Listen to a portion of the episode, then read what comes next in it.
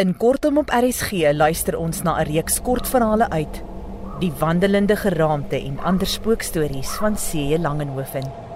Saamgestel en verwerk deur Wendy Martins met illustrasies deur Marjorie van Heerden. Die uitgewer is Protea Boekhuis. Die voorleser is Johan Nel en die regisseur Johan Rademan.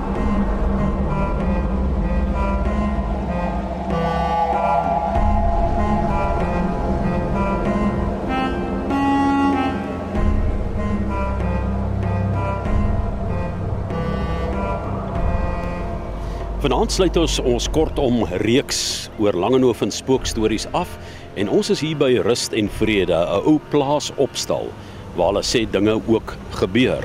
Johan Nel vertel vir ons van 'n spesifieke man wat daar geswerf het in die Klein Karoo en die naam van die man was Josef, die swerwende Jood. Al word ek so oud soos die berge sal ek nooit my 10de verjaarsdag op ons plaas Hoeku naby Lady Smith in die Wes-Kaap vergeet nie. Ek het gewoonlik alleen in die stoepkamer geslaap. Daardie nag was ek nie alleen nie. Ek moes my kamer met 'n smous deel wat 'n ruk van tevore hinkepink met 'n bondel op sy rug by ons aangekom het. Die arme man het 'n voet gehad wat meer soos 'n olifant se as 'n mens in gelyk het. Boonop was dit potblou. Hy het dit teen 'n klip gestamp en tot by ons gesukkel. 'n Mamy het 'n ekstra bed by my in die kamer laat indra en aan die werk gespring. Ek het daaraan gewoond geraak om kort kort wakker te word en te kyk hoe sy hom dokter. Uiteindelik was dit nie meer nodig nie. Hy was nie meer so koorsig nie en die swelsel het ook gesak. Dit was nou my werk om op te staan as hy iets nodig gehad het. Die man was 'n Jood en al redelik oud. Toe ek hom vra wat sy naam is, het hy net gelag en gesê, "O, oh, ek het al so baie name gehad. Noem my sommer Josef." Daardie nag voor my 10de verjaarsdag kon ek glad nie slaap nie. Ek het te veel uitgesien na die verjaarsdagkoek wat mammie gebak het en my maats wat die volgende dag sou kom. Toe lê ek maar en luister hoe Josef saggies snork en raak uiteindelik droom droom aan die slaap. Toe ons staan horlosie middernag slaan, sê Josef. Veels geluk met jou verjaardag, seentjie. Jy is nou 10 jaar oud en ek is amper 50. Luister nou mooi. Op jou 60ste verjaarsdag sal ek jou weer kom gelukwens. Maar oom, sê ek, as oom nou by die 50 is en ek 10, sal oom ons by die 100 wees wanneer ek 60 is. Josef glimlag breed. Ja, seentjie, jy is reg sê. Wag maar en jy sal sien. Toe ek die volgende oggend wakker word, is ek nie seker of ons regtig die nag gesels het en of dit net 'n droom was nie. Ek maak my oë stadig oop. Josef lê vir my en kyk. Op sy gesig dieselfde glimlag as laasnag. Môre oom. Môre seentjie. Veels geluk met jou verjaardag. Mag jy die res van jou hele lewe baie gelukkig wees. Oom? Ja, seentjie. Het oom my vannag geroep of het ek dit gedroom? O, jy het baie gedroom, seentjie. Jy was heel nagwoelig, maar daar is drome wat 'n mens lank onthou. Meer as dit kon ek nie uit Josef kry nie. Sy voet het gesond geword en hy's daar weg met sy glimlag en die bondel op sy rug. En ons het hom nooit weer gesien nie. Mamy het net eendag 'n ring in die pos gekry met die naam Josef daarop gegraveer. Die volgende 50 jaar het ek die droom onthou. Was nooit seker of dit regtig gebeur het en of dit net 'n droom was nie. Daarom kon ek die aand voor my 60ste verjaarsdag nie slaap nie. Kwart voor 12 sit ek nog kierts regop. Ek dink aan die stoepkamer met my bedjie in die een hoek. Die groot bed met Josef daarop in die ander. Ek sien mammie inkom met die kers, die skottel, water en verbande. Terwyl ek so sit en dink, kruip die minuutwyster stadig aan. Grr, grr, grr, sê die horlosie. Ek tel weer soos daardie nag. 1 2 3 10 11 12 Skielik klop iemand aan die voordeur. Doef doef doef.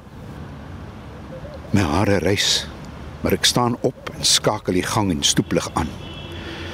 Toe maak ek die deur op 'n skreefie oop. 'n Bekende stem kom van buite af. Geluk seentjie. Baie geluk met jou 60ste verjaarsdag. Mag dit met jou baie goed gaan. Ek druk die deur oop en hardloop uit op die stoep. Daar is niemand. Die lig skyn helder tot in die blomtuin. Ek kyk rond, klim teen die trappies af en stap tot by die hoeke van die huis. Daar is regtig niemand. Die volgende oggend maak vroutjie my met 'n soen wakker. "Geluk ou man," sê sy. "Gaan jy my nou vertel hoekom jy laasnag so op en af in die tuin gestap het?" "Daar's niks om te vertel nie," sê ek. Ek het 'n snaakse droom gehad. 'n Baie ou droom. "Jy het nie gedroom nie," sê vroutjie. Ek het gehoor hoe die minuutwyser stadig rr, rr, rr, nader aan 12 uur kruip. En toe 1 2 3 10 11 12 slaan. Toe het iemand doef doef doef aan die voordeur geklop. Ek het gehoor hoe jy dit oopmaak en hoe iemand jou geluk wens. Vroutjie sê ek. Jy het saam met my gedroom. Josef die swerwende Jood, voorgeles deur Johan Nel terwyl hy in die tuin staan van rust en vrede in die middel van Durbanville, 'n ou plaas opstal. En verbeel jou, jy soos by ons by 'n strandkafeetjie en jy hoor die stem uit die see. Hierdie storie is die nuutste van my stories. Die man wat dit aan my vertel het, se boekhouer. Sy naam is Koos Smit. Hy wou eers nie die storie vertel nie, maar toe hy uiteindelik begin, het hy hard probeer om die trane in sy oë vir my weg te steek.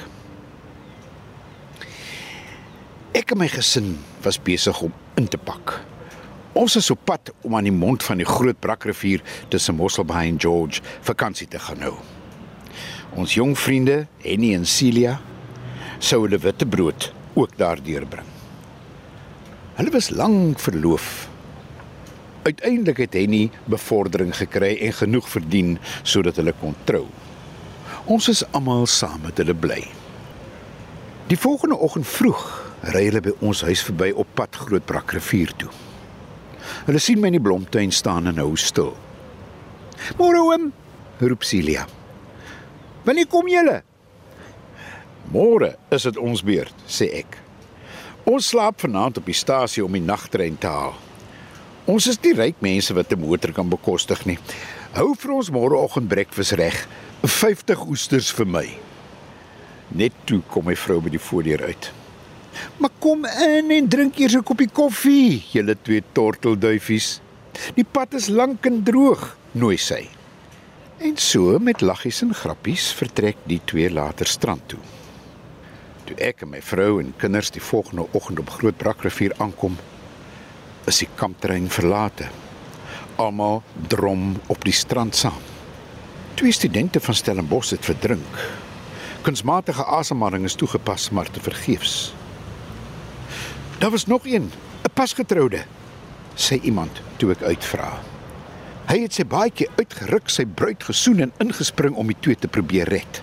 Hy was 'n uithaler swemmer, maar 'n dwarsstroom het hom ingetrek. Sy liggaam het nog nie uitgespoel nie. Toe eers sien ek vir Celia. Sy staan alleen 'n entjie verder met oop arms na die see toe. Henny, skree sy oor die branders. Kom dan nou, Henny. My vrou en 'n ander vrou het Celia in die arms geneem en van die see af weggelei na 'n ander tent toe. Sy wou niks van haar en Henny se tent weet nie. En my tent was nog nou opgeslaan nie. Die aand het Celia rustiger geword. Ons het gedink dit sou beter wees om mamma te los waar sy was. Daar was 'n baie dierbare ou tannie in daardie tent. Die nag het Celia stilletjies opgestaan en in haar nagklere afgeloop see toe. Van die jong mense wat nog wakker was, het haar gesien en verskrik tente toe gehardloop om te vertel van die spook in wit klere. Van al hierdie dinge het ek niks geweet nie. Ek het in my tent gelê en skape tel. Na die dag se gebeure kon ek nie 'n oog toemaak nie. Teen middernag staan ek op om vuur te maak. Terwyl ek in die vlamme staar, klink dit al asof iemand my van die see se kant af roep.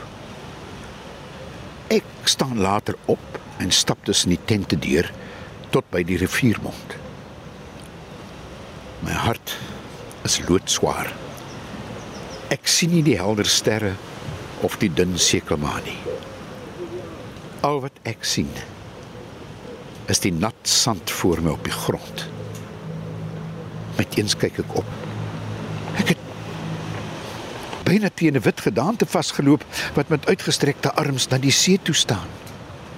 Henny Cecilia Ek het jou geroep en jy het nie gekom nie.